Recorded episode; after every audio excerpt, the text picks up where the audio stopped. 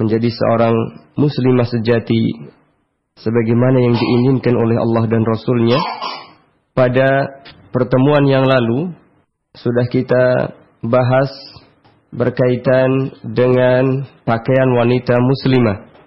Dan yang sudah kita sebutkan ada dua. Yang pertama syarat pakaian wanita muslimah adalah menutup seluruh tubuhnya kecuali dua telapak tangan dan wajah. Ini menurut jumhur ulama. Dan menurut sebagian ulama bahwa harus menutup seluruh tubuhnya tanpa ada pengecualian. Kemudian syarat yang kedua bahwa pakaian luar yang dikenakan oleh seorang wanita muslimah hendaknya tidak berupa atau bukan berupa pakaian perhiasan. Artinya pakaian luar yang dikenakan itu tidak mengandung perhiasan-perhiasan. Baik dari segi bahannya atau pernak-pernik, kancing baju dan segala hal yang membuat pakaian itu menjadi termasuk perhiasan. Kemudian pada kesempatan kali ini kita baca syarat yang ketiga berkenaan dengan pakaian wanita muslimah sesuai dengan ajaran syariat Islam. Kata beliau, "Asyartu tsalits alla yakuna syafafan aw yasifu hajm al-'idhami aw yujassidu a'dha'a al-badan." Bukan pakaian yang tipis atau pakaian yang bisa menampakkan tubuh, anggota tubuh atau anggota badan. Jadi meskipun sudah menutup seluruh tubuhnya, tetapi kalau masih tipis sehingga masih tampak ya, atau transparan sehingga tampak jelas atau tidak jelas ya, bagian tubuhnya, maka ini belum memenuhi syarat yang ketiga. Disebutkan dalam hadis bahwa Rasulullah sallallahu alaihi wasallam bersabda, "Sinfani min ahli nari lam ara huma ada dua golongan manusia yang termasuk penghuni neraka yang saat ini belum aku lihat kata beliau. Yang pertama qaumun ma'ahum siyatun ka'adnabil baqar yadribuna bihan nas. Orang-orang yang membawa uh, semeti seperti ekor sapi yang mereka pakai untuk memukul orang lain. Ini gulungan yang pertama. Yang kedua, yang berkaitan dengan masalah pakaian.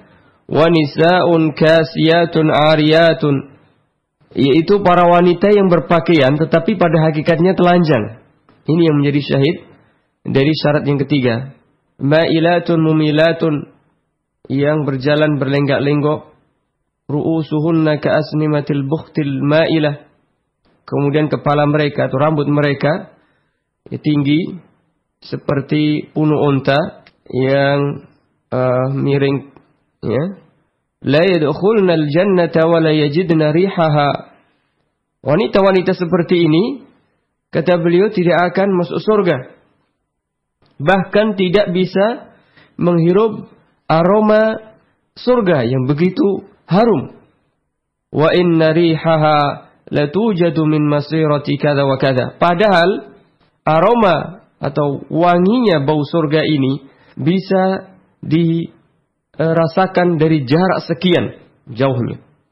Qala Ibnu Abdul Bar rahimahullahu taala Ibnu Abdul Bar semoga Allah merahmatinya berkata makna qawlihi kasiyatun ariyat sabda beliau wanita-wanita yang berpakaian tetapi telanjang maksudnya innahu arada lawati yalbasna min athiyab syai' al-khafif alladhi yasif wala yastur yaitu wanita-wanita yang memakai pakaian tetapi pakaian itu tipis sehingga masih menampakkan anggota tubuhnya.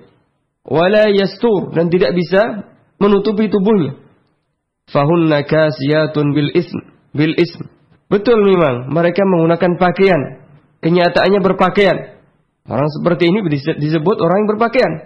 tetapi ariyatun fil haqiqah, tapi pada hakikatnya mereka adalah telanjang. Karena fungsi pakaian di antaranya adalah untuk menutupi dan menjaga, menutupi aurat, menjaga tubuh, meskipun mereka zahirnya tampaknya memakai pakaian, namun bila masih tampak sebagian atau bahkan hampir seluruh tubuhnya dari luar, ini pada hakikatnya tidak berpakaian. Wa an Usamah bin Zaid al-Kalbi radhiyallahu anhu qala dari Usamah bin Zaid al-Kalbi semoga Allah meridainya beliau meriwayatkan kepada kita kasani Rasulullah sallallahu alaihi wasallam qibtiyah kasifah Rasulullah sallallahu alaihi wasallam memberi aku pakaian dari ketiyah kana mimma ahdaha Dihyah al-Kalbi yaitu pakaian yang dihadiahkan oleh Dihyah al-Kalbi Fakasautuha mar'ati. Kemudian pakaian tersebut aku berikan kepada istriku. Faqala li Rasulullah sallallahu alaihi wa ala alihi wasallam. Kemudian beliau berkata, "Malaka lam talbas al-qibtiyah?" Mengapa kamu tidak memakai pakaian Kiptiah tadi? Qultu saya jawab, "Ya Rasulullah, kasautuha mar'ati." Pakaian yang kau berikan padaku itu aku berikan kepada istriku. Faqala li Rasulullah sallallahu alaihi wa ala alihi wasallam kemudian beliau berkata, "Murha faltaj'al tahtaha ghilalah." Perintahkan kepada istrimu itu supaya memakai pakaian daleman atau dalam istilah itu disebut furing. Pakaian daleman uh, untuk wanita yang biasanya di apa namanya digunakan untuk melapisi bagian dalam dari jenis kain yang tipis. Mengapa? Ini akhafu antasifa hajma idhamha. Karena aku kata Rasulullah khawatir jika pakaian itu masih bisa menampakkan bagian dari tubuhnya. Yaitu lekuk-lekuk tubuhnya kelihatan. Mengapa? Karena pakaian yang diberikan oleh Rasulullah Sallallahu Alaihi Wasallam kepada Usama tadi, ya, agak tipis, ya, transparan mungkin begitu. Sehingga kata beliau, bolehlah dia pakai, tetapi dengan syarat harus diberi pakaian daleman atau istilahnya furing. Agar apa? Agar tidak tampak. Ya, agar tidak tampak bagian lekuk tubuhnya. Wa fi hadha awdahu dalalah ala hurmati irtida'i ma yasifu hajmal idhami au yujassidu a'dha' al-badan. Hadis ini merupakan dalil yang amat sangat jelas yang menunjukkan haramnya wanita menggunakan pakaian yang masih menampakkan lekuk tubuhnya atau masih menampakkan bagian anggota badannya. Sedangkan kiptiyah adalah pakaian dari Mesir yang tipis dan lembut. Fa'idha lubisa duna ghilalah zahara minha hajmu idhamil mar'ah. Jadi pakaian kiptiyah ini, pakaian yang tipis dan lembut ini, bila dipakai tanpa ada furing di dalamnya atau tidak dilapisi dengan kain yang lain, maka tampaklah lekuk-lekuk tubuh wanita tersebut. Wa tajassadat uh, mafatinuha. Kemudian bagian-bagian tubuhnya yang bisa menimbulkan fitnah dan gairah laki-laki ini akan uh, menonjol. Wa qad yadhharu minha launu uh, basyaratiha aydan. Bahkan kadang kalau langsung dipakai tanpa ada furing, ya, e, warna kulitnya itu bisa tampak, ya, hitam, mungkin putih atau hijau kalau ada yang warna kulitnya hijau, ya. Jadi tampak. Ya. Dan itu sekarang pun kita lihat, ya, sebagian wanita menggunakan pakaian-pakaian yang transparan, tipis, ya, menutup memang seluruh tubuhnya tertutup. Tetapi subhanallah, ya, tampak, ya, bahkan kulitnya betul. Ya, sebagaimana dijelaskan seperti ini.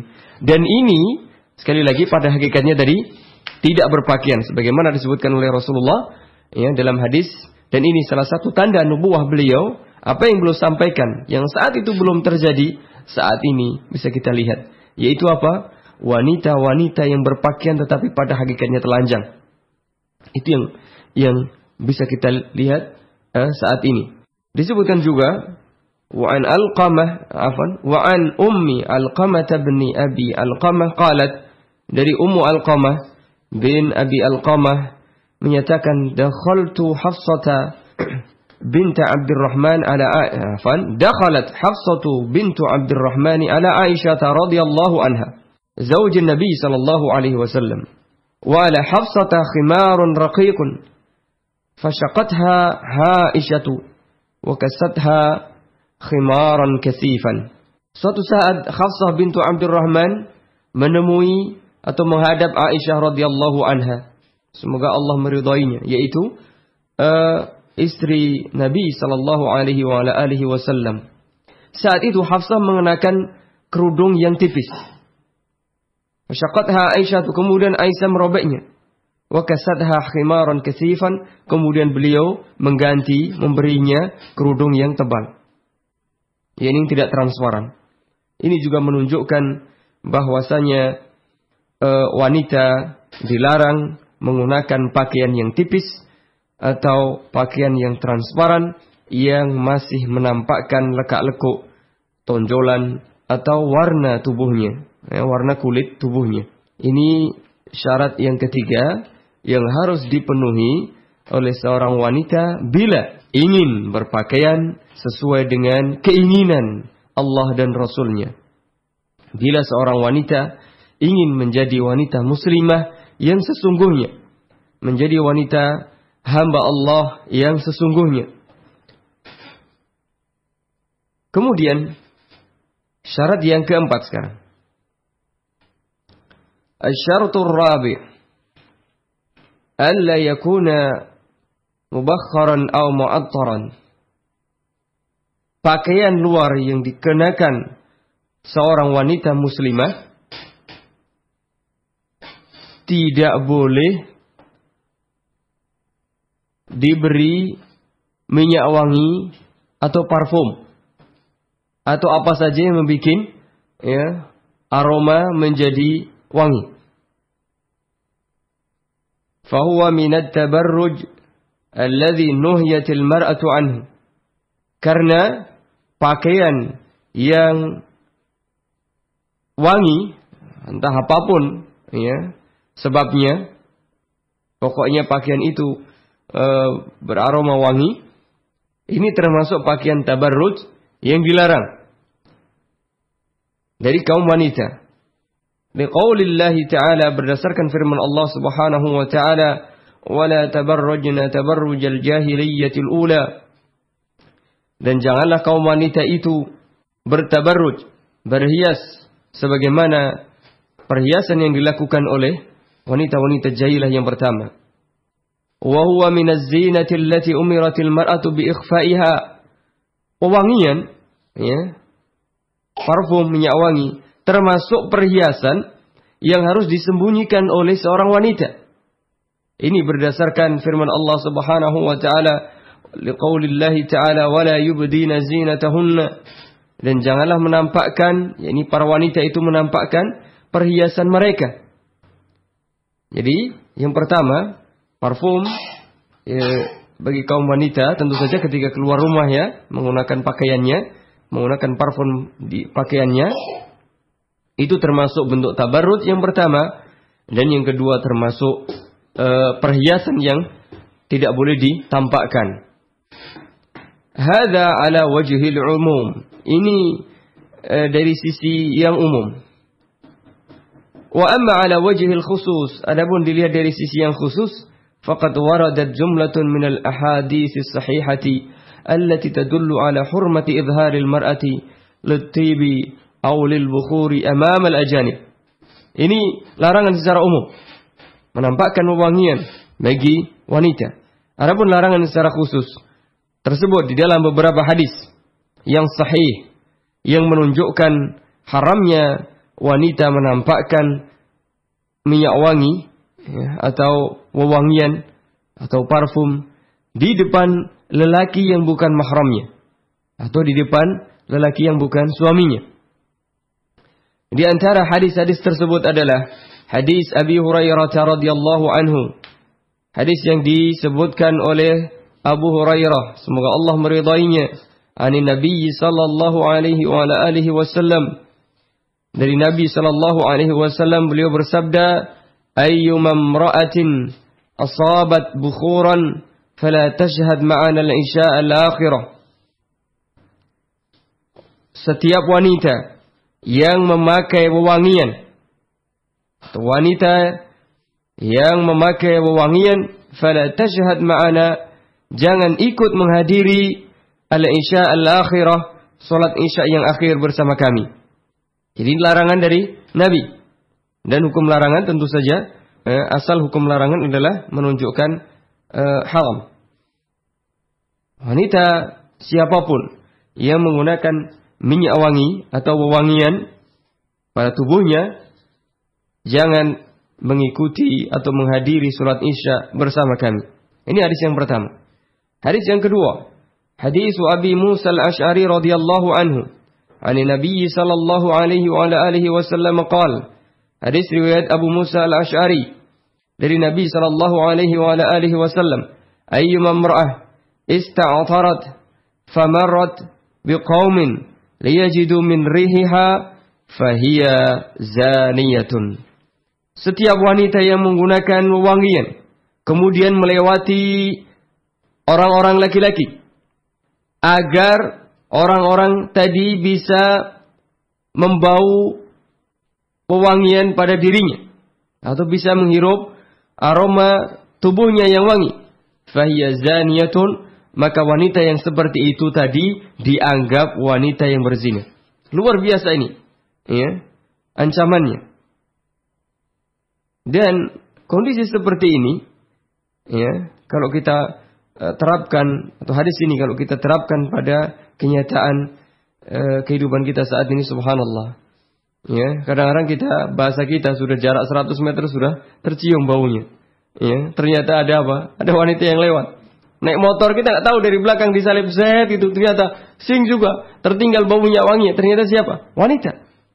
Luar biasa. Dan ini ya, wanita yang memakai minyak wangi, kemudian melewati orang-orang, ya, agar orang-orang itu bisa mencium bau wanginya, maka orang wanita tadi dianggap orang yang berzina. Dan ini luar biasa ancaman yang sangat keras dari Rasulullah Sallallahu Alaihi Wasallam dan tentu saja musibah seperti ini kita lihat kalau di jalan di mana ya itu sering kita dapati ya, e, pemandangan seperti ini atau kenyataan seperti ini. Dan tentu saja ini sebagai musibah karena sebagian yang melakukannya adalah kaum muslimin, wanita-wanita muslimah. Oleh karena itu saudari-saudariku khususnya marilah kita eh, coba untuk bisa bersabar ya dalam rangka menegakkan ketaatan kepada Allah dan Rasulnya. Sabar dalam menegakkan syariat agama kita. Di antaranya adalah bersabar tidak menggunakan wewangian, parfum dan segalanya ketika kita keluar rumah. Ini yang kedua. Kemudian yang ketiga, hadis yang ketiga. Hadis Zainab As-Saqafiyah radhiyallahu anha. Hadis dari Zainab As-Saqafiyah, semoga Allah meridainya, an Rasulullah sallallahu alaihi wa ala alihi wasallam dari Rasulullah sallallahu alaihi wa ala alihi wasallam, "Idza syahidat ihdakunna wa fi riwayatin al-masjida fala tatayyab tilka al-lailah." Jika salah seorang di antara kalian, wahai kaum wanita, ingin menghadiri sholat isya, atau dalam riwayat yang lain, menghadiri masjid untuk melaksanakan sholat isya. Jika salah seorang di antara kalian, yakni kaum wanita, hendak menghadiri sholat isya atau menghadiri masjid untuk ikut berjamaah sholat, Fala tatayyab tilka layla. Jangan menggunakan minyak wangi atau jangan memakai wewangian. Bau-bauan yang wangi pada malam itu. Wahadihil hadhihi sarihatun fi bayani anna izhar al-mar'ati lil-tibi aw lil-bukhuri amama al-ajanibi min kaba'iril atham wa annaha min asbabi la'niha. Hadis-hadis yang kita sebutkan tadi sarihah jelas, gamblang, tidak ada kesamaran lagi yang menjelaskan bahwasanya bila seseorang atau seorang wanita menampakkan uh, wewangiannya artinya menggunakan minyak wangi sehingga bisa tercium oleh orang lain yakni orang laki-laki yang bukan mahramnya min kabairil asam termasuk dosa besar. Termasuk dosa besar. Wa annaha min asbabi la'niha. Dan ini salah satu sebab bolehnya dia dilaknat jadi salah satu kaidah dalam memahami dosa besar adalah bila dosa itu dilaknat oleh Allah dan Rasulnya.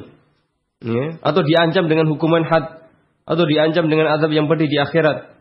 Sebagaimana disebutkan tadi, ancaman-ancaman yang keras seperti ini menunjukkan bahwasanya dosa menggunakan uh, apa namanya uh, memakai minyak wangi keluar rumah sehingga tercium oleh wanita, uh, oleh laki-laki yang bukan mahram atau suaminya bagi wanita adalah termasuk dosa besar. وقد استظهر ذلك الإمام الذهبي وقال في كتابه الكبائر Imam Hafid Az-Zahabi ya, menjelaskan hal ini dalam kitab Al-Kabairnya izharu zinati wadh-dhahabi wal-lu'lu'i min tahti niqabi wa tatayyubuha bil miski wal anbari wa nahwi dzalika wa labsuha as-sibaghat. Salah satu dosa besar adalah wanita yang menampakkan perhiasan emas, permata yang di bawah pakaiannya, jadi dimulai ditampakkan dan menggunakan minyak wangi apa pun bentuknya, entah minyak misik atau minyak yang lainnya. Kemudian kemudian menggunakan pakaian yang uh, dicelup ya, berwarna kuning. Ini termasuk dosa besar sebagaimana disebutkan oleh Imam Az-Zahabi. Jadi yang ketiga tadi tidak boleh transparan jenis kainnya. Kemudian yang keempat yang barusan kita baca tidak boleh ya memakai minyak wangi sehingga tercium oleh orang-orang yang bukan mahram atau suaminya. Itu syarat yang keempat. Kemudian saudari-saudariku muslimah, semoga Allah memberi taufik kepada kalian semuanya untuk bisa menjadi wanita yang muslimah sejati. Syarat yang kelima, alla yushbihu thiyabar rijali wala thiyaba ghairil muslimat. Tidak menyerupai pakaian laki-laki atau pakaian wanita-wanita kafir. Jadi syarat yang kelima, tidak menyerupai pakaian laki-laki atau pakaian orang-orang kafir. Wanita-wanita kafir, meskipun dia wanita, ya, tapi wanita kafir. Yang pertama tidak menyerupai pakaian laki-laki ini umum, baik laki-laki muslim maupun e, non muslim. Sedangkan yang kedua tidak menyerupai pakaian wanita-wanita kafir. Meskipun mereka wanita, tapi kalau menjadi ciri khas pakaian orang-orang kafir, ini tidak boleh ditiru. Wa tashabbuha wa tashabbuha bi ghairil muslimati muslimati azimul hurmah. Menyerupai pakaian laki-laki dan menyerupai pakaian wanita-wanita kafir termasuk ya uh, larangan yang sangat besar. Bal qad dzakarahu adh-Dhahabi fil kabair. Bahkan disebutkan termasuk dosa besar oleh Imam Az-Zahabi Al-Kabiratu Saminah wal Ishrun. Dosa besar yang ke-28. Ar-rajulatu minan nisa'i wal mukhannasu minar rijal. Dosa besar yang ke-28 adalah wanita yang menyerupai laki-laki dan laki-laki yang menyerupai wanita. Wa hadha yu'ayyiduhu wurudu la'ni man ta'ana tashabbuha bi ghairi jinsi. Hal ini dikuatkan oleh adanya laknat bagi orang-orang yang menyerupai orang yang bukan dari jenisnya. Artinya kalau laki-laki menyerupai wanita, kalau wanita menyerupai laki-laki, ini mendapatkan laknat. Termasuk dalam hal ini adalah penyerupaan dalam hal pakaian. Fa'an ummil mu'minina Aisyah radhiyallahu anha qalat dari ibu kaum mukminin Aisyah semoga Allah meridainya beliau menyampaikan kepada kita bahwa la'ana Rasulullah sallallahu alaihi wa ala alihi wasallam ar-rajulata minan nisa Rasul Shallallahu Alaihi Wasallam melaknat wanita-wanita yang menyerupai laki-laki. Hadis selanjutnya wa an Abi Hurairah radhiyallahu anhu. Hadis dari sahabat Abu Hurairah. Semoga Allah meridainya. Anna Nabiy sallallahu alaihi wa ala alihi la'ana ar-rajula yalbasu lubsatal mar'ah wal mar'ata talbasu lubsatal rajul. Nabi sallallahu alaihi wa ala alihi wasallam melaknat laki-laki yang memakai pakaian wanita atau ya wanita yang memakai pakaian laki-laki. Ini jelas. Wa ani Ibnu Abbas radhiyallahu anhu maqala dari Ibnu Abbas, semoga Allah meridai keduanya, beliau berkata, La'ana Rasulullah sallallahu alaihi wa ala alihi wasallam al-mukhannasina minar rijali wal mutarajjilati minan nisa. Rasulullah sallallahu alaihi wa ala alihi wasallam Rasulullah sallallahu alaihi wa ala alihi wasallam melaknat kaum laki-laki yang bergaya seperti perempuan atau meniru perempuan atau perempuan yang bergaya atau meniru laki-laki. Tentu saja ini sifatnya umum dalam segala hal. Nanti termasuk di antaranya adalah dalam hal pakaian. Dzalika annahu la yajuzu lil mar'ati an tartadiya ma fihi tashabbuh birrijal. Yang kita jadikan dalil dari hadis-hadis di atas, wanita tidak dibolehkan memakai pakaian yang mengandung kemiripan dengan pakaian laki-laki atau membuat dirinya mirip dengan laki-laki. Lianna fihi itiradan ala qadarillahi ta'ala wa husna taswirihi laha min jihatin. Mengapa? Karena ini termasuk penentangan terhadap takdir Allah Subhanahu wa taala. Dan menolak atau tidak mau menerima bentuk yang telah diberikan oleh Allah Subhanahu wa taala. Ini dilihat dari satu sisi. Kalau dia wanita ya, jadilah wanita. Kalau dia laki-laki, jadilah laki-laki. Ketika seorang wanita memakai pakaian yang menyerupai pakaian laki-laki atau bergaya seperti orang laki-laki, artinya dia tidak menerima kodrat dia, takdir dia sebagai seorang wanita yang harus berpenampilan dan bergaya sebagai wanita. Wa min jihatin nukhra fihi khurujun anil khilqati allati khalaqaha Allahu 'alaiha. Dan dari sisi yang lain ini merupakan bentuk penentangan juga terhadap penciptaan yang telah diberikan oleh Allah Subhanahu wa taala. Artinya dia keluar dari fitrah penciptaan. Artinya dia keluar dari fitrah penciptaan Allah Subhanahu wa taala. Wa hadza fihi ma fihi min ta'til masalihil hayat. Perilaku seperti ini atau tindak tanduk ya, seperti ini merupakan uh, bentuk penolakan atau penafian terhadap berbagai kemaslahatan hidup ini. Wa insiraful mar'ati ila al-ishtighal bima lam yu'dan laha fihi wa lima lam tukhlaq lahu. Dan juga artinya wanita lebih suka menyibukkan diri dengan hal-hal yang tidak diizinkan dan tidak dijadikan uh, fitrah baginya. Mestinya dia lebih mengutamakan dirinya sebagai wanita, berpakaian sebagai wanita, bergaya sebagai seorang wanita. Tetapi mengapa dirinya justru bergaya seperti laki-laki, berpakaian seperti pakaian laki-laki? Ini berarti uh, keluar ya dari fitrah penciptaan dia sebagai seorang wanita. Dia keluar dari sesuatu yang diizinkan. Dia keluar uh, uh, dari uh, kebaikan yang mestinya ada pada dirinya. Kata penulis, "Wahada musyahadul yaum kasiron." Model seperti ini ya, itu banyak kita lihat ya, sekarang ini di zaman kita saat ini. Dan bahkan tidak hanya dari si pakaian. Mulai dari uh, uh, apa gaya potongan rambutnya, mulai dari pakaiannya, gaya berjalannya, Termasuk juga kendaraan yang dipakai, sepatu, ya, semuanya. Kadang-kadang kita lihat di jalan dari belakang, nggak tahu kalau kita lihat itu laki-laki, tapi ternyata perempuan. Ya, dia memakai uh, uh, motor balap laki-laki misalnya, ya, bergaya laki-laki, ya, apalagi badannya kadang-kadang sedikit kekar gitu, ya, ternyata perempuan. Innalillah wa inna ilaihi rojiun. Ini terjadi. Ya, minimal yang berpakaian seperti pakaian laki-laki.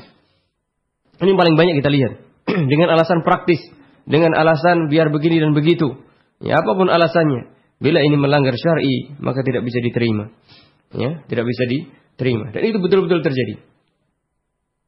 Faqad intasyara bainan nisa irtida'un irtida'ul bantalunat. Nah, uh, dan ini jelas. Ini kata beliau di sana. Ya, yang di negeri atau di daerah-daerah Arab sana. Kayak gitu apalagi di sini. ya di negeri kita luar biasa apalagi mungkin Allah alam ya di negeri-negeri mungkin Eropa ya Amerika bagaimana ya saya tidak tahu persis yang jelas di negeri kita Indonesia ya di Jogja khususnya nih ya banyak sekali ya. Bahkan wanita-wanita yang menggunakan kerudung masih menggunakan celana ya panjang ya. Celana panjang dalam arti celana yang model laki-laki dan tidak menggunakan pakaian luar. Ketat lagi ya. Ini jelas-jelas ya. Kita lihat dan betul-betul kata beliau juga sama persis ini pakaian-pakaian laki-laki dan kadang-kadang mereka lebih suka dengan pakaian pakaian laki-laki jadi ini tampak dan bisa kita lihat saat ini. Bukan sekedar kalau menggunakan mungkin pakaian celana panjang yang lebar, itu jenis-jenis perempuan mungkin masih agak mending. Tetapi ini jelas-jelas pakaian itu pakaian persis pakaian laki-laki. Bahkan itu sebenarnya dipakai untuk laki-laki. Atau bahkan melebihi pakaian laki-laki. Laki-laki masih banyak kalau berpakaian itu e, tidak terlalu ketat. Bahkan menutupi perutnya. Ini banyak wanita ya, ketika berpakaian itu tidak ya, tidak bisa menutupi sebagian tubuhnya. Ini lebih lebih parah lagi. Dan ini betul-betul uh, satu uh, propaganda yang mestinya kita hentikan di antaranya dengan kita tebarkan, kita apa namanya sosialisasikan pakaian-pakaian muslimah yang sesuai dengan tuntutan syariat. Jadi salah satunya dengan banyak-banyak ya kita tebarkan di tengah-tengah masyarakat ya, jenis-jenis pakaian yang sesuai dengan tuntunan syariat. Bagi para ibu, para orang bapak, orang tua, hendaknya memperhatikan khususnya anak gadisnya.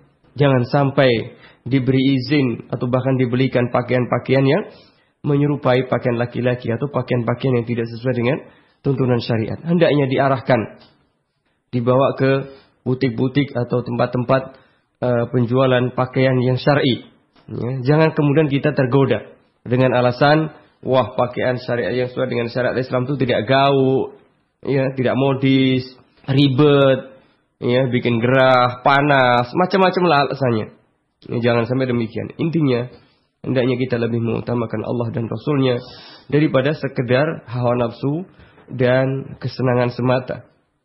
Dan sekali lagi ini adalah propaganda dari orang-orang non Muslim, orang-orang kafir untuk uh, uh, apa namanya menyerang kaum muslimin khususnya salah satunya dengan cara apa menyerang mode jadi sering kali kita tidak sadar bahwasanya mode-mode yang ditayangkan di berbagai media itu sesungguhnya salah satu bentuk ya serangan-serangan orang-orang kafir untuk melemahkan kaum muslimin agar mereka terlena agar kita terlena tidak lagi memperhatikan ya syiar-syiar Islam dan itu bisa bisa kita lihat betapa berhasilnya mereka Betapa kaum muslimin bahkan lebih ya, parah pakaiannya daripada mereka. Ya, lebih tidak islami daripada mereka. Ini merupakan keberhasilan ya orang-orang kafir untuk ya, mengalahkan kaum muslimin salah satunya dengan cara uh, uh, uh, apa namanya uh, serangan mereka terhadap uh, gaya berpakaian dan juga gaya hidup mereka. Kemudian Kata beliau, "Tsumma naqulu lil mu'minatil hafizati lil ghaib." Kita sampaikan ke kepada para wanita yang menjaga dirinya. Wa kama anal mar'ata manhiyatun tashabbuhi birrijali fi libasiha, fahiya kadzalika manhiyatun an tashabbuhi bi ghairil muslimati fi siyabihin. Kalau tadi seorang wanita muslimah dilarang menyerupai uh, memakai pakaian yang menyerupai pakaian laki-laki, mereka juga dilarang menyerupai uh, atau menggunakan pakaian yang menyerupai pakaian-pakaian wanita kafir. Fa innahu mata saqatat hurmatul musyabahah minal qulub hadi wal hadiya syabah li i'tiqadu il i'tiqada wal iyadu billah. Ketika ya, perhatian kita dalam masalah tasyabuh ini sudah hilang, kemudian kita sudah mengabaikan masalah pakaian yang syar'i yang akhirnya kita menyerupai pakaian ya, wanita-wanita kafir. Lama kelamaan kita akan mengikuti gaya hidup mereka. Lama kelamaan apa yang terjadi? Keyakinan mereka, keyakinan kita pun akan mengikuti keyakinan mereka. Wallahualam. Jadi sedikit demi sedikit, pelan tapi pasti. Ketika kita memberikan toleransi dalam urusan pakaian, kemudian nanti ke gaya hidup, akhirnya ke keyakinan. Dan ini sudah banyak terjadi. Betapa banyak kaum muslimin yang kemudian mengikuti acara-acara ya, yang sifatnya itu ritual bagi uh, agama-agama non-muslim. Mereka ya, ulang tahun di antaranya. Itu banyak dilakukan oleh orang-orang Islam. Atau keyakinan-keyakinan yang lain. Keyakinan-keyakinan eh, yang berkaitan dengan agama-agama uh, selain Islam. Waqad qala Rasulullah sallallahu alaihi wasallam khaliful musyrikin padahal Rasulullah sallallahu alaihi wasallam jauh-jauh hari ya beliau sudah mengingatkan kita khaliful musyrikin ya bedalah ya bedakan diri kalian dengan orang-orang musyrik jangan menyamakan perhatikan di sini larangan beliau ini bersifat umum bedakan diri kalian dengan orang-orang musyrik artinya dalam segala hal kita harus beda harus tampil beda Akidah kita beda, ibadah kita beda, gaya hidup kita, pakaian kita, ya, perilaku kita. Semuanya beda. Ya, apa? Memang untuk membedakan diri, nah, itulah syiar Islam. Islam mempunyai ajaran yang berbeda. Islam punya ajaran yang tinggi, yang mulia, yang berbeda dengan ajaran-ajaran yang lainnya.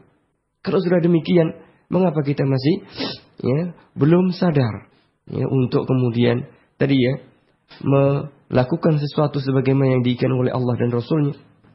Wa fi hadis akhar, dalam hadis yang lain disebutkan khaliful majus. Secara khusus ya bedakan diri kalian dengan orang-orang majusi. Kemudian kita lihat komentar Syekhul Islam Ibnu Taimiyah rahimahullahu taala al-mukhalafatu lahum fil hadi adh-dhahir maslahatun wa manfaatun li ibadillahil mu'minin. Perbedaan kita dalam urusan yang zahir itu akan membawa manfaat dan maslahat bagi orang-orang yang beriman. Ini perbedaan kita terhadap orang-orang kafir, orang-orang musyrik. Mengapa? Lima fi mukhalafatihim minal mujanabah wal mubayanah allati tujibul muba'adah an a'mali ahli jahim. Karena kalau secara zahir bentuk lahiriah kita, penampilan luar kita sudah berbeda, kalau penampilan luar kita sudah berbeda dengan penampilan mereka, insya Allah ya, kita juga penampilan hati kita, amal ibadah kita juga akan jauh dengan amalan-amalan orang-orang calon penghuni neraka jahim. Nah, orang-orang kafir, orang-orang musyrik adalah calon penghuni neraka jahim. Itu tadi, kalau kita membiarkan, kita toleran dalam urusan yang zahir, urusan lahir, lama kelamaan nanti akan mengikuti dalam segala hal. Oleh karena itu sejak awal, sejak dini, ya, ditekankan eh, ya, kepada kita kaum muslimin ya, supaya sejak dini kita menjauhi hal-hal yang bisa membuat kita serupa dengan mereka dalam segala hal. Dan ini satu kaidah bahwa kita umat Islam dan Islam itu mesti beda ya, dengan orang-orang musyrik, orang-orang kafir. Itu satu kaidah. Dan banyak sekali nanti hal-hal yang harus kita bedakan ya, dengan mereka. Wa qala Ibnu Qayyim rahimahullahu taala naha 'ani tashabbuh bi ahli al-kitab wa ghairihim min al-kufari fi mawadhi'a katsiratin. Rasul sallallahu alaihi wasallam melarang kita kaum muslimin agar uh, melarang kita melakukan tasyabuh. Jadi beliau melarang tasyabuh ya, terhadap orang-orang ahli kitab dan juga orang-orang kafir selain ahli kitab dalam berbagai ya, dalam berbagai masalah. Mengapa? Di annal musyabahata al-zahirata zari'atun ila al-muwafaqatil batinah. Karena penyerupaan secara lahiriah itu menjadi sebab ya adanya kesamaan dalam urusan batin. Fa innahu idza asbaha al-hadyu al-hadya asbaha al-qalbu al-qalba. Kalau ya, secara lahir mereka sudah sama, maka lama kelamaan hati mereka pun akan menjadi sama. Dan ini yang diinginkan oleh mereka sesungguhnya. Oleh karena itu, saudara-saudara, saudari-saudariku kaum muslimin dan muslimat, mari kita perhatikan tadi ya hadis Rasulullah sallallahu alaihi secara umum ini yang paling penting. Khaliful musyrikin. Bedakan diri kalian dengan orang-orang musyrik. Ini satu kaidah yang penting. Artinya, segala hal hendaknya kita bedakan dengan mereka. Termasuk dalam urusan pakaian, dalam urusan gaya, penampilan, ya, dalam urusan macam-macam, ya. Hendaknya kita berusaha membedakan diri dengan orang-orang kafir. Mengapa? Kalau kita sudah beda dari sisi lahiriah, insya Allah Taala hati kita juga jauh tidak berbeda. Tapi kalau kita kemudian membiasakan diri bersama yang dalam urusan lahiriah. Nanti lama kelamaan pun orang akan toleran dalam urusan keyakinan dan hati. Dan itu bisa dilihat dalam kenyataan. Orang di mana pun berada itu cenderung untuk berkumpul dengan sesuatu yang sama. Orang yang punya mobil BMW akan cenderung bikin klub BMW. Orang yang punya motor pitung akan bikin klub motor pitung. Mah, karena lahirnya sama. Orang Jawa yang sama-sama merantau di Sumatera ketemu, mereka akan berkumpul. Ya, dan seterusnya dan seterusnya. Ya, itu sudah sunatullah. Oleh karena itu, hendaknya sejak dini kita tanamkan sikap berbeda dengan orang-orang kafir, khususnya dalam hal pakaian. Satu sisi demikian, sisi yang lain, sejak dini kita tanamkan kepada diri kita, keluarga kita, anak, istri dan semua kerabat kita untuk ya, bangga dengan ajaran Islam. Termasuk di antaranya adalah bangga dengan pakaian yang Islam.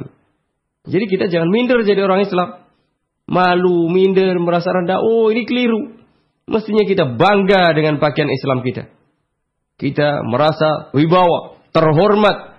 Ya. Kemudian kita sebarkan. Ya. Jadi kita ini orang-orang yang tinggi, bukan orang yang rendah. Ya, tentu saja jika kita mau mengamalkan sesuai dengan keinginan Allah dan Rasulnya.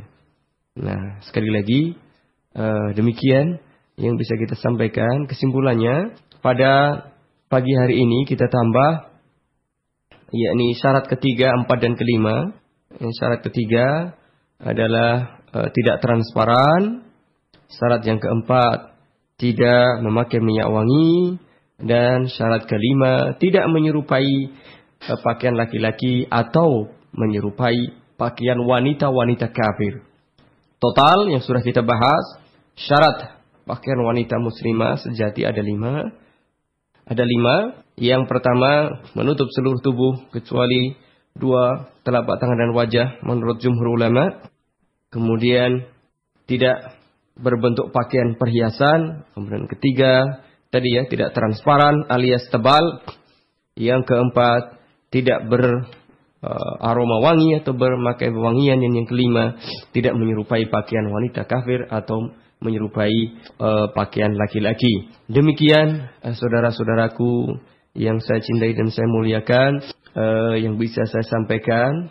Insyaallah taala kita lanjutkan pada pertemuan yang akan datang. Mudah-mudahan Allah Subhanahu wa taala memberikan taufik kepada kita untuk bisa menjadi muslim dan muslimah sejati sebagaimana yang diinginkan oleh Allah dan Rasulnya lebih khusus lagi dalam hal penampilan pakaian kita. Allahumma amin.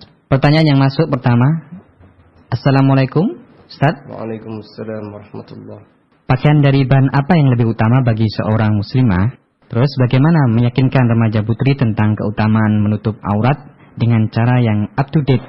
Tidak menakuti mereka tentang azab neraka karena surga neraka terlalu banyak bagi mereka. Mungkin dengan mengutarakan fungsi menutup aurat untuk kesehatan kulit, kalau ada misalnya lebih masuk akal. Terima kasih. Wassalamualaikum Jadi yang pertama, uh, Bismillah, Alhamdulillah, wassalatu wassalamu ala Rasulillah. Uh, bahan apa yang paling apa tadi? Paling paling utama. Paling utama, iya. Iya tentu saja tadi kalau kemudian jenisnya saya tidak tahu ya jenis kain apa nanti. ya, para akhwat, para remaja putri, ibu-ibu bisa mencari sendiri yang pas. Yang pertama jelas nanti disesuaikan dengan kulit ya biasanya. Kalau wanita kan biasanya ada yang kulitnya sensitif, ya. Disesuaikan dengan kulitnya. Ya, jangan mentang-mentang tebal tapi kalau dari bagor ya tidak pas saja. Jadi bukan iya, iya, masalah. Iya. Jadi eh, jelas misalnya jelas tebal. Pakaian wanita itu tidak boleh tipis. Jadi harus tebal. Ya, itu yang jelas. Tebal itu dalam arti bukan harus tebal 2 cm, 3 cm bukan ya, tolong ya, diperhatikan. Tebal ini ya tebal untuk ukuran kain. Ya. Artinya ketika dipakai itu tidak menampakkan kulit atau bagian tubuh kita. Hmm, ya. Yang jelas demikian. Ya, kemudian kalau dari si bahan tadi ya, ya, ya. gitu aja. Jadi adapun yang lain ya sesuaikan dengan apa namanya? Eh, kulit masing-masing. Kemarin sudah kita sebutkan masalah warna, memang dianjurkan menggunakan warna yang hitam atau yang gelap-gelap. Bukan berarti kemudian warna yang misalnya hijau, ya, biru, coklat, ya boleh-boleh saja, ya. Selama tidak mencolok tadi ya, kemarin sudah disebutkan, tidak mencolok artinya jangan dengan uh, pakaian yang bahan kainnya itu gemerlap itu loh, mencolok ya, uh, kayak uh, bersinar itu tidak bisa, ya. Yang jelas demikian. Atau dengan yang jelas dengan warna uh, apa namanya motif yang polos. Jangan kemudian menggunakan motif-motif yang warna-warni, ada bunga-bunga, apalagi ada gambar Ronaldo, wah ini bahaya sekali ini. Gambar-gambar artis, ya tidak ya, boleh. Ya, ya. Apalagi gambar makhluk hidup jelas. Ya. Jadi eh, motifnya polos, adapun warna bisa eh, bervariasi, ya tidak harus hitam yang jelas, meskipun dianjurkan yang hitam atau yang gelap, tetapi eh, yang jelas tidak mencolok tadi, tidak tipis, tidak e, warna-warni dan tidak ini dari bahannya yang jelas. Seperti itu dari sisi bahan. Kemudian yang tadi ya e, tidak tidak transparan. Kemudian tadi bagaimana caranya agar memberikan apa pengertian? Ya. ya tidak dengan menakut-nakuti. Hmm. Ya, jadi ada dua hal. Uh, konsep kita itu dengan targhib dan tarhib. Bisa dengan anjuran ya iming-iming begini begini begitu dan seterusnya. Ada juga dengan uh, ancaman. Ini satu metode memang. Salah satu metode belajar itu dengan demikian. Di mana pun berada, namanya orang uh, guru ataupun apa pun bentuknya, ketika menyampaikan pelajaran pada orang lain, mesti ada metode uh, sesuatu yang bikin orang semangat, tapi juga satu sisi memberikan semacam ancaman sanksi. Itu di mana pun ada. Aturan begitu. Kalau begini, jaga orang bayar listrik aja kadang-kadang. Kalau bayarnya tepat waktu sekian-sekian ya. nanti ada hadiah ya. ya, ya. Nanti kalau kemudian uh, apa namanya uh, terlambat, ya ada denda kan begitu. Ini di mana-mana ada. Ini termasuk salah satu ya kita. Nah, mungkin bisa, ya silahkan. Yang jelas, yang pertama kali hendaknya disampaikan adalah bahwa ini adalah ajaran syariat Islam. Jadi kita tanya, saudariku, agamamu apa? Islam. Ya, agama Islam yang punya siapa? Allah dan Rasulnya. Oke, kalau begitu Islam itu sumbernya siapa? Ya, Allah dan Rasulnya. Alkitab. Ya, hadis Rasulullah yang sahih. Kalau demikian, ya, padahal kita diperintah supaya taat pada Allah dan Rasulnya. Kita sampaikan, ya, orang yang taat pada Allah dan Rasulnya akan demikian, demikian, dan demikian. Di antara ketaatan itu adalah dengan berpakaian. Nanti kalau kemudian uh, mereka menyelisihi atau menentang nanti ancamannya begini. Kalau taat diberi kebaikan ini dan itu, kemudian kalau kemudian menentang akan ada sanksi ini. Ini dari sisi jelas disampaikan. Meskipun sesuatu yang abstrak, tapi toh kita harus meyakini karena barang gaib dan itu sebagai ujian bagi kita. Ada yang kedua bisa juga memang diberikan satu penjelasan yang menurut mereka bisa logis atau masuk akal. Ini memang penting karena sebagian orang sering kali kurang e, bisa menerima Meskipun ini sebenarnya kurang pas. Mengapa? Ketika Allah dan Rasulnya sudah menyatakan mestinya. Entah kita bisa terima dengan logika atau akal atau apa pun kita atau tidak. Mestinya kita terima. Mestinya begitu. Tetapi memang ada satu dua orang yang kadang-kadang belum bisa ser, Belum mantap kalau belum bisa dipahami. Uh, ya, nah ini silahkan ya saudari atau saudara bisa menjelaskan dengan berbagai hikmah yang ada. Ya, mungkin bisa tadi ya Coba kalau terik matahari menyengat kulitnya, ya, ya, ya bisa jadi nanti rusak. Coba kalau rusak, nggak laku, iya kan? Kalau nggak laku, waduh nggak punya suami, oh, rasain lu kan begitu, iya ya, ya, kan? Atau mungkin, ya. Jadi begini, di antaranya, seandainya saudari kita itu cantik, ya, kulitnya bersih mulus dengan berpakaian yang islami sesuai dengan tuntunan syariat, insya Allah akan lebih menjaga kemulusan keindahan tubuh kulit kita. Itu jelas, ya. Sehingga apa? Dengan demikian maka insya Allah nanti suami anti akan e, senang, bisa menyenangkan suami. Kemudian juga anti tetap cantik sampai tua pun tetap mulus dan seterusnya dan seterusnya kan gitu. Hmm, ya. Iya. Sebaliknya kalau mungkin kulitnya ya banyak sekrupnya atau ya kurang mulus iya, dengan iya. ditutup tutupnya kulit apa namanya? Pakainya tebal. Syari. Hmm. itu apa? Jadi lama-lama putih. Enggak ya kan? nggak kelihatan. Ya kalau itu air pun tidak kelihatan. Yeah. ya tidak menghinakan diri tidak malu. Yang kedua ya sekrup-sekrup itu semakin lama insya Allah jadi hilang. Karena apa? E, tertutup. Ya. berkurang gitu minimal. Coba kalau di, di ler ya di ler itu namanya dibuka terus. Semakin hitam semakin jelek ya semakin cepat keriput. Iya iya. Jadi kalau itu indah insya Allah keindahan itu tetap terjaga. Dan semakin indah tidak memfitnah orang lain. Kalaupun misalnya Allah takdirkan kulitnya hitam kayak uh, oh, tempe goreng gosong, ya, tidak apa-apa, diterima, disyukuri. Insya Allah dengan ditutup, insya Allah akan semakin semakin bagus. Ya. Kalau itu sebuah aib, insya Allah ditutupi, ya. Jadi kita terhormat dan insya Allah justru semakin baik.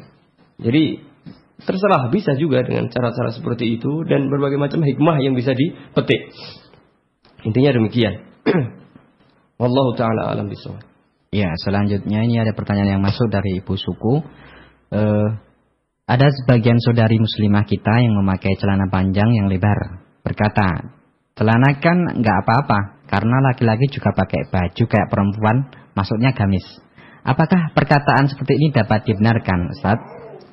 Jadi sepintas memang e, masuk akal sepertinya, tapi kita kembali lagi bahwa e, e, timbangan ya, itu bukan timbangan akal-akalan, ya. ya. jangan timbangan logika akal hmm. kita, tapi hendaknya yang jadikan timbangan adalah e, ajaran syar'i. Ya. Jadi kalau itu memang menyerupai pakaian laki-laki, ya, kita kembalikan. Ya. ya memang tidak bisa. Kalau pakaian itu e, lebar, ya, kemudian e, e, apa namanya? tidak e, menyerupai laki-laki ya. Dan itu memang khusus buat wanita ya. Maka tidak mengapa kalau itu dipakai di tidak keluar rumah ya. Jadi ketika di dalam rumah seseorang seorang wanita boleh-boleh saja menggunakan kulot karena kulot ini khusus pakaian wanita. Jadi modelnya seperti celana tetapi uh, uh, dia lebar. Sebenarnya bukan celana dia. Kalau yang seperti itu saya kira tidak masalah karena itu memang pakaian wanita Ya, tetapi ketika keluar rumah, ya itu nanti bisa uh, apa namanya uh, menggambarkan uh, misalnya bentuk tubuhnya dan seterusnya, maka hendaknya dihindari. Ya, hendaknya di, dihindari. Ada ada juga beberapa pakaian yang bisa dipakai dua-dua orang, misalnya sarung. Jenis sarung ini bisa-bisa aja karena sarung kalau di negeri kita ini dipakai oleh laki-laki dan perempuan. Hmm. Maka insya Allah ini tidak masalah karena dua-duanya boleh. Tapi hmm. kalau tadi sekali lagi yang tidak boleh itu yang menjadi ciri khas masing-masing. Ya, kalau kita lihat ya model celana panjang celana panjang dipakai kaum wanita yang selama ini terlihat di luar itu sesungguhnya itu adalah model-model uh, laki-laki. Oke lah, seandainya mereka itu modelnya uh, model perempuan, tapi tidak memenuhi syarat yang lain, ketat, kemudian uh, tipis, ya, kemudian membentuk tubuhnya dan seterusnya. Ya, ini tidak tidak memenuhi syarat. Jadi sekali lagi, syarat itu tidak hanya satu, nanti banyak, dan itu harus terpenuhi semuanya. Ini yang perlu diperhatikan, bukan sekedar eh, satu syarat. Jadi tidak bisa dianalogikan seperti seperti itu. Allah taala a'lam bishawab. Menarik sekali untuk selanjutnya ini ada juga pertanyaan yang masuk dari takmir masjid. Uh, bagaimana kita, bagaimana jika saudari kita belum mengenakan jilbab syar'i, apa yang harus dilakukan oleh kita? Tafadhol Ustaz. Ya, bismillah. Jadi tentu saja kita nasihati mereka saudara-saudaranya itu. Jadi setiap muslim hendaknya senantiasa memberikan nasihat kepada saudaranya. Ya, disebutkan juga ad-dinun nasihah. Liman ya Rasulullah lillahi wa li kitabihi wa li rasulihi wa li a'immatil muslimin wa li. Ya, di antaranya kepada seluruh saudara muslim kita. Hendaknya diberi nasihat. Tidak boleh langsung difonis, apalagi dijelekkan, disalahkan jangan. Tapi hendaknya diberitahu dahulu. Ya, diberitahu dengan cara yang hikmah, dengan cara yang baik, dengan cara yang bisa diterima oleh mereka. Saya yakin ketika mereka tahu, faham dengan cara yang uh, enak, insya Allah tidak tidak akan menolak. Insya Allah akan taat kepada Allah dan Rasulnya. Ini pertama. Yang kedua, hendaknya juga kita memperhatikan mereka. La yu'minu ahadukum hatta yuhibba li akhihi ma yuhibbu li nafsihi. Tidak sempurna iman seseorang sebelum ia mencintai kebaikan untuk saudaranya sebagaimana ia mencintai kebaikan untuk dirinya sendiri. Ketika melihat saudara kita belum menggunakan pakaian yang sesuai dengan syariat Islam, artinya mereka masih melakukan sesuatu yang belum pas, yang keliru.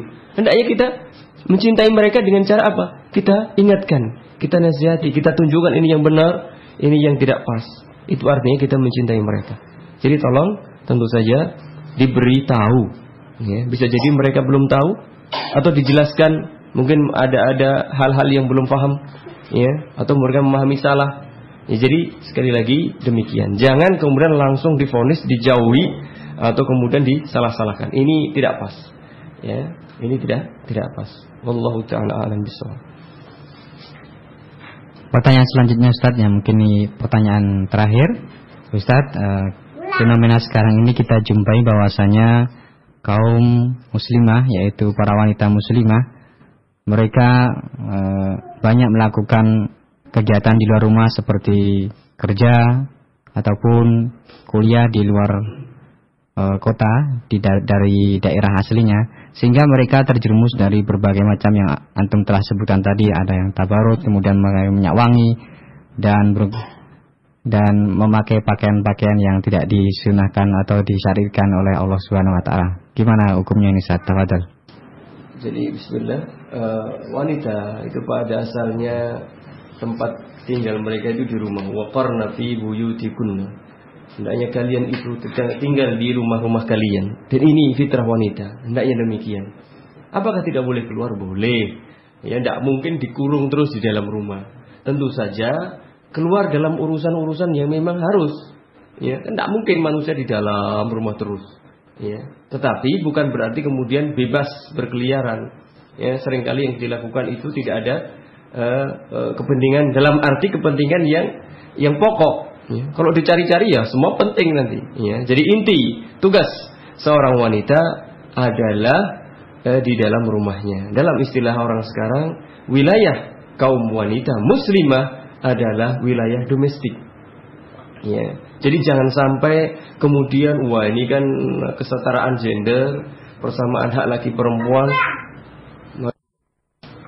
harus sama laki dan perempuan. Tidak, jangan sampai terpedaya oleh propaganda orang-orang yang tidak ya punya pemahaman yang benar ini. Sedangkan wilayah laki-laki adalah wilayah publik memang. Ini tidak bisa disamakan. Oleh karena itu, hendaknya kembali setiap wanita muslimah bila ingin ya menjadi wanita yang diinginkan oleh Allah dan Rasulnya kembali ke rumah. Tugas rumah itu sekian banyak yang mungkin dilakukan dari pagi sampai malam tidak bisa selesai Saking banyaknya tugas di dalam rumah. Mengapa kemudian harus uh, mencari-cari kegiatan-kegiatan di luar? Ya, tentu saja hal-hal yang tidak tidak menjadi kewajibannya. Ya, adapun kemudian menuntut ilmu, ya, keluar atau kemudian melakukan eh, tugas-tugas uh, yang harus keluar yang memang sifatnya darurat, maka tidak mengapa dengan catatan tadi harus menjaga penampilannya. Ya, tidak boleh memakai minyak wangi, tidak boleh berhias, yang tampak dan seterusnya dan seterusnya tadi. Tetap menggunakan pakaian yang uh, sesuai dengan tuntunan syariat. Jadi uh, demikianlah sesungguhnya. Jadi tidak masalah sesungguhnya apabila semuanya mau kembali kepada tadi ya keinginan Allah dan Rasulnya. Mungkin demikian yang bisa kita jelaskan secara umum. Ya sekali lagi mudah-mudahan ada manfaatnya dan kurang lebihnya saya mohon maaf atas segala yang saya sampaikan tadi. Ya, kami ucapkan jazakallah khairan kasihan kepada Ustadz atas penjelasan tadi yang sangat menarik perbincangan kita di pagi hari ini. Semoga dapat menjadikan kemanfaat bagi para pendengar radio muslim di mana pun mereka berada, sehingga dapat meningkatkan kadar ketakwaan mereka kepada Allah subhanahu wa ta'ala. Ya baiklah, wa azani wal demikianlah tadi perjumpaan kita di pagi hari ini. Insya Allah kita akan berjumpa kembali di waktu dan lain kesempatan dengan kajian-kajian ilmiah sunnah wal jamaah yang lainnya. Kita akhiri perjumpaan kita pada kesempatan pagi hari ini. Subhanakallahumma bihamdik asyhadu an la ilaha illa anta astaghfiruka wa atubu ilaih. Wassalamualaikum warahmatullahi wabarakatuh.